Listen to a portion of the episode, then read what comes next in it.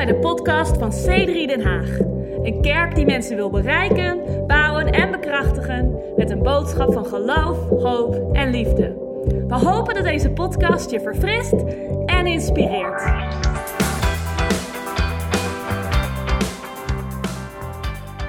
Vandaag wil ik beginnen met een boodschap die een beetje een thema is van pionieren, uh, maar ook het thema is van je persoonlijk leven, je persoonlijke groei. En dus ik wil het met je hebben over moeilijkheden of mogelijkheden.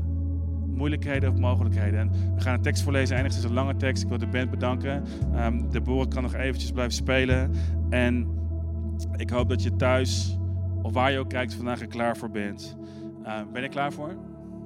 Ik hoop het. En, um, en ik ga een tekst voorlezen uit 1 Samuel, hoofdstuk 17. Ik heb vandaag 17 zinnen of 17 versen voor je. Dus ik hoop dat je wakker bent. Um, maar dit is aan de andere kant, dit is geen saai verhaal. Dit is een van de meest populaire Bijbelverhalen. Ik zou eerlijk zeggen, dit is een van de verhalen die ik het leukste vind om voor te lezen voor mijn kinderen voordat ze gaan slapen. Er komt veel bloed in voor. En er worden hoofden afgehakt. En uh, bloed spuit uh, de spuigaten uit in het verhaal. En uh, wie houdt van de Bijbel, iemand? Het is, het is geweldig. Maar het is ook heel inspirerend. Um, of zoals mijn vrouw vroeger, toen ze net in Nederland woonde, zei: inspirant. Ik vind het ergens jammer. Mijn vrouw komt uit Nieuw-Zeeland. Ik vind het ergens jammer dat het Nederland zo goed is. Want ik vond het zo schattig. Inspirant. Wie van jullie heeft een inspirante dag vandaag? Iemand? Um, maar ik wil het met je hebben over moeilijkheden of mogelijkheden. En ik wil lezen uit 1 Samuel 17, vers 23. En er staat dat um, terwijl David met een aantal mensen sprak, David kwam um, om zijn broers te ondersteunen, om een maaltijd langs te brengen. En hij sprak met een aantal mensen en er staat, terwijl hij met hen sprak, zie, de kampvechter kwam eraan. En zijn naam was, Bijbelstudiequiz, wat was zijn naam? Goliath, right? Zijn naam was Goliath, een Filistijn uit Gad, uit de gelederen van de Filistijnen. En hij sprak dezelfde woorden en David hoorde ze. Maar toen de mannen van Israël uh, die man zagen, vluchtten zij alle voor hem weg. En ze waren zeer bevreesd. De mannen van Israël zeiden: Hebt u die man wel gezien die gekomen is? Want hij is gekomen om Israël te honen of Israël belachelijk te maken. Toen zeiden ze dit: De koning zou de man die hen verslaat grote rijkdom schenken. Hij zal hem zijn dochter tot vrouw geven. Hello somebody. En het huis van zijn vader vrijstellen van belasting of lasten in Israël.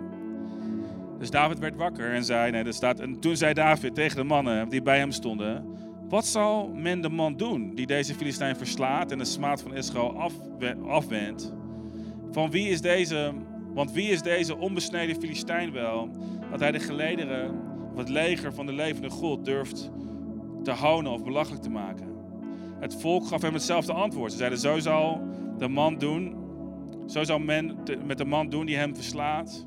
En toen Eliab, zijn oudste broer, kom op iemand, hashtag je oudste broer in dit bericht. Toen Eliab, zijn oudste broer, hem tot die mannen hoorde spreken, ontstak Eliab in woede tegen David en zei, waarom ben je eigenlijk gekomen? En onder wiens hoede heb je die paar schapen in de woestijn gelaten? Want David was een herder en zorgde voor de schapen, terwijl zijn broers um, oorlog voerden. En dan heb je een beetje beeld van de relatie die ze hadden. En Eliab zei: Ik ken je overmoed en de slechtheid van je hart wel, want je bent gekomen om het vechten te zien. En toen zei David: Wat heb ik dan gedaan? Is er geen reden voor? Hij wendde zich van hem af naar een ander, naar een ander en sprak dezelfde woorden.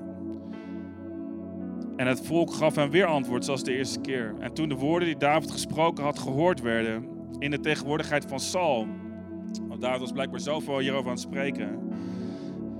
Uh, liet Saul hem halen. En David zei tegen Saul: Laat geen mens vanwege hem de moed laten zinken. Uw dienaar zal gaan en met deze Filistijn vechten. Maar Saul zei tegen David: Hé, hey, dat staat er niet letterlijk, maar dat is mijn vertaling.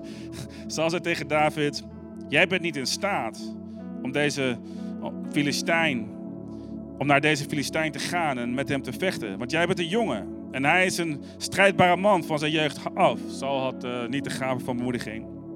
En toen zei David tegen Saul, uw dienaar weide de schapen van zijn vader. En er kwam een leeuw of een beer die een schaap van zijn kudde wegnam. en die ging, ik, ik ging hem achterna en ik sloeg hem neer en redde hem uit zijn bek. Als hij mij dan aanviel, greep ik hem bij zijn baard, sloeg hem neer en doodde hem. En uw dienaar heeft zowel leeuw als beer verslagen. Zo zal deze onbesneden Filistijn zijn als een van hen, omdat hij de gelederen van de levende God belachelijk gemaakt of gehoond heeft. Verder zei David: De Heere die mij uit de klauwen van de leeuw gered heeft en hen uit de klauwen van de beer, die zal mij redden uit de hand van deze Filistijn. En toen zei Saul tegen David: Ga heen. En hij zette hem een bronzen helm op zijn hoofd en deed hem een harnas aan. En David, en, en David gordde zijn zwaard aan over zijn kleren en wilde gaan, maar hij was ongeoefend. Hij was niet getraind om hiermee te werken. En toen zei David tegen Saul: hey, ik kan hierin niet lopen, want ik ben ongeoefend, ongetraind. En David deed ze weer uit en hij nam zijn staf in zijn hand, koos voor zich vijf gladde stenen uit de beek en legde ze in zijn herderstas die hij had, te weten in de zak. En zijn, slinger was in zijn hand. En zo naderde hij tot de Filistijn. 17 versen uit de Bijbel. Je hebt het overleefd. En wellicht ben je nog wakker. Um, Maar een amazing verhaal. En het verhaal eindigt met dat David op hem afrent. David schiet hem neer met zijn slinger. En, um, en hij, hij verslaat de Filistijn. Voor de rest van zijn leven um, hoeft hij geen belasting meer te betalen. Um, hij trouwde met de dochter van de, van de koning. En God gaf die dag een amazing overwinning. Wat ongelooflijk was. En um, ja, het doet je een beetje denken aan een soort van de, een van de beste afleveringen uit The Voice of Holland. Waar iemand vanuit complete onbekendheid kwam en gewoon een, amazing overwinning teweegbracht en een leider werd in het, in het land. Um, ik heb een tijd geen Voice of Holland meer gezien, maar ik, ik kan me nog herinneren dat het zo ging vroeger. dus uh, hey, laten we meenemen om te bidden. Vader, God, we danken u voor de tijd die we kunnen besteden in uw woord.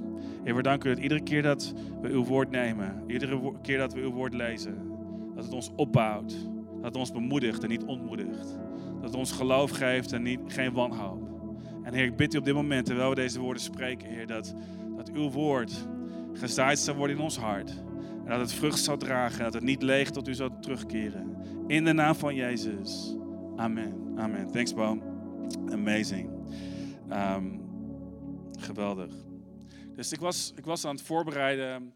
Um, en terwijl ik dat deed, uh, moest ik gaan denken. Um, of terwijl ik dat deed, was ik aan het kijken naar een foto van mijn zoontje. Ik was met uh, Jaden en met Elisa, uh, twee van mijn drie kinderen. Um, was ik naar het havenhoofd geweest in Scheveningen. Geweldig, geweldige golven. En ik kan naar de servers kijken. Dat was het Nederlands kampioenschap van servers. En het was een mooie tijd. Maar ik, ik keek op een foto waar ik, waar ik, waar ik een close-up had gemaakt van Jaden.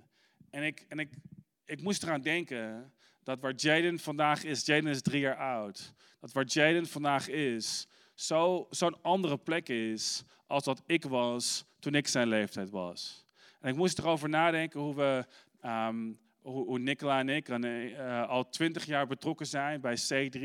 Hoe we betrokken zijn geraakt bij C3 toen um, onze kerk in Amsterdam een kleine connectgroep was. Um, hoe we hebben geholpen om onze kerk in Arnhem uh, te stichten en, en een tijd leiderschap aan hebben gegeven. Hoe we leiders waren in onze kerk in Amsterdam. Op een gegeven moment jeugdpastors, Nicola leidde daar de band. En hoe we jarenlang hebben geïnvesteerd en hebben gebeden en hebben gediend en hebben gegeven aan de visie van, um, van deze kerken. En uh, deze, deze, deze maand, einde van deze maand, opent C3 Rivers, onze kerk in Arnhem en Nijmegen, uh, opent een eerste eigen gebouw in Arnhem, wat amazing is. Ik ben opgegroeid in Arnhem en een significante stap. Ik zag deze week de um, aankondiging um, van C3 Imagine, de, de, nieuwe naam van C3 uh, Amsterdam, die ook in Almere zit en Amsterdam West. En uh, ik zag de gebouwen om een, de plannen om een gebouw te verbouwen. En ik, werd er zo, ik ben er zo enthousiast over, omdat um, we zien vandaag Um, wat de resultaten zijn van jarenlange investeringen en jarenlange pionieren um, van, van allerlei mensen, waaronder waar Nicola en ik een deel van zijn geweest. En als ik nu kijk naar de vruchten die ik nu zie, en als ik kijk naar, naar hoe ver de kerk is gekomen, niet alleen maar C3, maar hoe ver, hoe ver de kerk in Nederland is gekomen ehm, sinds het jaar 2000, dat ik voor de eerste keer naar onze kerk in Amsterdam ging, hoe ver we zijn gekomen, dan realiseer ik me dat we de kerk hebben gebouwd, niet alleen maar voor onze generatie, maar voor de generatie die na ons komt. En ik stond erbij stil tijdens de voorbereiding en tijdens het voorbereiden op dit pionierseizoen, dat um, de investeringen die we doen en, en, en het hart wat we uh, leggen in onze kerk om te dienen, ook deze zes maanden van, van corona madness, um, dat we dat doen niet alleen maar voor de mensen die er nu zijn, maar dat we dat doen voor onze kinderen. En, en ik weet niet of je het je beseft, maar kerk is een geweldige investering in je kinderen. En dus als kerk zijn we toegewijd. We zijn bezig om na te denken hoe we ook weer uh, Kids Church weer kunnen beginnen. We hopen binnenkort meer informatie te geven over ehm, hoe we diensten kunnen organiseren. Maar als ik erbij stilsta waar mijn zoon nu is, hoe, ehm, waar hij nu staat, dan realiseer ik me dat, dat hij een andere start heeft dan ik had. Omdat de kerk onder andere op een andere plek is dan waar hij was in mijn jeugd. En uh, wat we doen hier is niet het investeren in een bediening, maar we investeren in het huis van God. En uh, dus daar wil ik het met je over hebben. En dat is waar Pioniers over gaat. Dus nogmaals, onze tiende, onze offers die we brengen, gaan over het voorzien in het dagelijkse werk van de kerk. Dingen die we nu vandaag doen, dingen die we door de week doen. Um, investeren in Pioniers is investeren in de toekomst van onze kerk. En meer informatie uh, daarover geven tijdens de Pioniersdiner. Maar pionieren gaat om veel meer dan alleen geven. Pionieren heeft te maken met een, een mindset die wij als kerk willen ontwikkelen in mensen. Pionieren heeft te maken met een mindset waarin we, waarin we elkaar willen aanmoedigen om geen consument te zijn, maar een producent. Pionieren is een mindset waarin we elkaar willen aanmoedigen om niet een volger te zijn, maar om een leider te zijn. En ik geloof dat iedereen, ongeacht onze persoonlijkheid, ongeacht onze ervaringen, ongeacht onze afkomst, in staat is om iets te pionieren voor het koninkrijk van God. Het koninkrijk van God is, is iets wat, wat, wat vooruit gaat. Het is iets wat progressief is. Het is, het is iets wat visionair is. En wij willen gelovigen helpen en niet-gelovigen om mee te komen op een reis om een pionier te worden. Dus dat is waar onze kerk voor staat. Ehm, en een onderdeel daarvan, ik zou willen zeggen een, een, een klein onderdeel, maar een onmisbaar onderdeel daarvan, is onze betrokkenheid in geven in de toekomst. Um, dus, daar, dus dat is de context waar ik dit vandaag wil, uh, in dit, dit, in wil delen. Maar ik had het gevoel vandaag dat God deze tekst op mijn hart legde, omdat, omdat het is heel erg interessant om te zien waar David begon en waar hij eindigde. Zie, wanneer we kijken naar ehm, het leven van David, dan zien wij zijn leven vanuit zijn legende, en maar niet vanuit zijn jeugd. Maar soms staan we er niet bij stil dat het moment dat David die dag Goliath zag op het strijdveld, dat David niet in staat was om zijn leven te zien vanuit zijn, zijn legende die na hem zou komen. Het feit dat hij koning zou worden van Israël. Hij kon alleen maar zijn leven zien vanuit zijn geschiedenis. En laat me dit zeggen, zijn geschiedenis was nederig. En het deed niet veel vermoeden dat hij een toekomst had die hij, ehm, die hij zou hebben. En ik denk dat het belangrijk is, want de eerste gedachte die ik met je wil delen is dat pioniers niet zozeer geboren worden, maar gevormd worden. En dat zie je in het leven van David. David werd gevormd Um, David werd gevormd door God, maar was geen geboren pionier, was geen um, geboren leider. Je ziet het aan de reactie van zijn broer. Zijn broer onderschat hem, omdat zijn broer niet weet wat er in zijn toekomst ligt. Zijn broer zag alleen maar wat er in zijn verleden uh, lag. We weten dat David niet uitgenodigd werd om mee te vechten, want David was geen strijdheld zoals zijn broers. Um, David was een herdersjongen, wat een schande was voor zijn familie. Toen de profeet een, een, hoofdstuk eerder langskwam om een koning te zoeken en een nieuwe koning aan te wijzen in zijn familie, nodigde zijn vader hem niet eens uit, omdat zijn vader niet dacht dat zijn zoon koningsmateriaal was. En we zien in de, in de manier waarop Eliab zijn broer hem behandelt, dat Eliab hem nog steeds ziet als die kleine herdersjongen. Eliab ziet hem nog steeds als, als die kleine jongen met dat kleine begin. Maar ik wil je vandaag aanmoedigen dat het niet uitmaakt waar je begint. De toekomst die we creëren samen begint vandaag. Wij kunnen, wij kunnen stappen nemen en onze toekomst vormgeven zoals David stappen nam en zijn toekomst vormgaf. Maar David moest leren, uh, moest weten dat pioniers gevormd worden, maar niet zozeer geboren worden. Natuurlijk zullen er sommige mensen zijn die geboren worden met uitzonderlijke gaven en talenten en netwerk en connecties en mogelijkheden. Maar de meeste van ons worden geboren als een baby. Um, niet in staat om zelfstandig te zijn. Uh, vrij veel van ons uh, overkomt dat. Niet in staat om, om zelf ons leven vorm te geven, afhankelijk van onze omstandigheden. Maar naarmate we volwassen worden, kan er iets in ons ontstaan wat God in ons vormt. En als kerk willen we, willen we je meenemen om niet gevormd te worden door je omstandigheden, om niet gevormd te worden door het denken van je omgeving, maar om getransformeerd te worden in de vernieuwing van je denken op basis van het woord van God.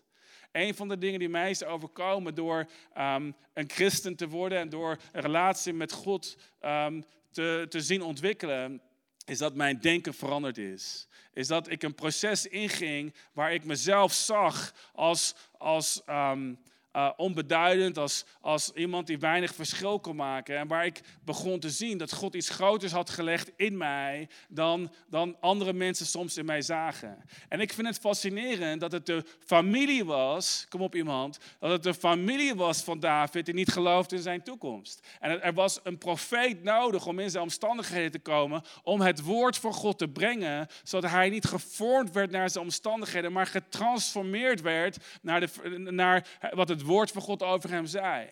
Dus laat me vandaag woorden over je spreken. Laat me vandaag over je leven profiteren en zeggen dat jij bestemd bent om een pionier te zijn. Jij bent niet bestemd om te leven naar je omstandigheden. Jij bent niet bestemd om, om, om, gevormd te worden door, door de crisis en in negatieve zin. Jij bent niet bestemd om beperkt te zijn en gelimiteerd te zijn. Jij bent bestemd om een verandering teweeg te brengen, om een uitbreiding teweeg te brengen in het koninkrijk van God. Um, door je talenten, door wie je bent, door de woorden die je spreekt, door het gedrag wat je vertoont, door je gebed en door je dienstbaarheid en je geven. Jij bent bestemd om een verschil te maken. En David kon zo gemakkelijk ontmoedigd raken. Maar er was iets die dag die gebeurde in het leven van David. Er was iets die, de, wat, wat knapte die dag. En David zei, wat kan er gebeuren voor de persoon die David verslaat? Zie, ik wil een aantal gedachten met je delen over het zijn van de pionier. En de, en de eerste gedachte in het einde van deze boodschap is, pioniers zien anders. Pioniers in anders. Luister, het hele volk, het hele volk van Israël, het hele leger, zag um, wat er gebeurde met de persoon die verliest. Maar David zag wat er gebeurde met de persoon die zou kunnen winnen. Iedereen rende weg en zei: Wat gebeurt er met de persoon die verliest? David zei: Wat kan er gebeuren met de persoon die wint? Iedereen om hem heen zag moeilijkheden. David zag mogelijkheden. En ik denk dat het woord van God het met ons doet. Ik denk dat het woord van God ons wegneemt van de angsten van onze nabije omstandigheden. En dat het ons helpt om te zien wat de mogelijkheden zijn die God ons geeft. Zie, de wetenschap vertelt ons, dat is altijd een groot woord wat tegenwoordig veel gebruikt wordt. Ik ben geen viroloog en geen wetenschapper. Maar een soort van basic kennis van wetenschap vertelt ons dat als we bang zijn, dat onze zintuigen zich vernauwen. En we krijgen, uh, we krijgen een reactie en dat is een fight or flight reactie. We gaan of vechten of we vluchten weg. Maar, maar ons hele systeem, wanneer we angstig zijn, richt zich op hoe kan ik dit overleven. Maar wat er gebeurt wanneer, we, wanneer onze zintuigen zich vernauwen, is we zien niet meer de creativiteit en de mogelijkheden die er zijn om ons heen. En zie, wanneer God ons kan helpen om die, om die reactie te, uh, af te weren en om minder angstig te zijn, dan zullen we misschien minder gericht zijn om onze ogen te sluiten um, naar alle mogelijkheden, omdat we gefixeerd zijn op de moeilijkheden. Zie, God wil je helpen vandaag met zijn woord om je te richten op mogelijkheden. Wat gebeurt er voor de persoon die kan overwinnen? Wat gebeurt er voor de persoon die kan investeren in de toekomst? Wat gebeurt er voor de persoon die kan durven om stappen van geloof te zetten in alle en wat voor omstandigheden dan ook? David zei, wat gebeurt er met die persoon? En David zag ehm, het anders. Hij zag het niet anders, ik denk dat het belangrijk was, omdat hij zelf verzekerd was. Hij zag het anders, omdat hij God verzekerd was. Hij zag het niet anders, omdat hij zei, hey, ik David heb de skills om leeuwen te verslaan en beren te verslaan. Nee, nee, nee. Hij zag het anders, omdat hij zei, God hielp me om beren te verslaan. God hielp me om leeuwen te verslaan toen mijn schapen aangevallen werden. Mijn God zal me helpen om deze reus te verslaan. Dit reusachtige persoon is niets vergeleken met de God. Daarom zei hij, wie is deze onbesneden Filistijn? Wie is deze tegenstander van God, die het volk van God belachelijk maakt, die, die de kerk van God belachelijk maakt, die zegt dat het niet mogelijk is in deze omstandigheden om te overwinnen. Wie is deze besneden Filistijn? Mijn God, met mijn God zal ik hem verslaan. Dus David was niet zelfverzekerd, David was God verzekerd. En ik denk dat het belangrijk is om te realiseren, David zag het anders. Niet omdat hij positief dacht, maar omdat hij een perspectief van God had in zijn leven. Ik wil eh, nog een paar gedachten met je uitpakken, heel kort, want we hebben hier veel te weinig tijd voor. Pioniers beginnen waar ze zijn. Pioniers beginnen waar ze zijn. Eh, David eh, wachtte niet op Goliath op het moment dat hij de grote reus kon verslaan. David wachtte, misschien kan er bed naar voren we gaan, geloof het of niet, we gaan eindigen. David um, begon waar hij was.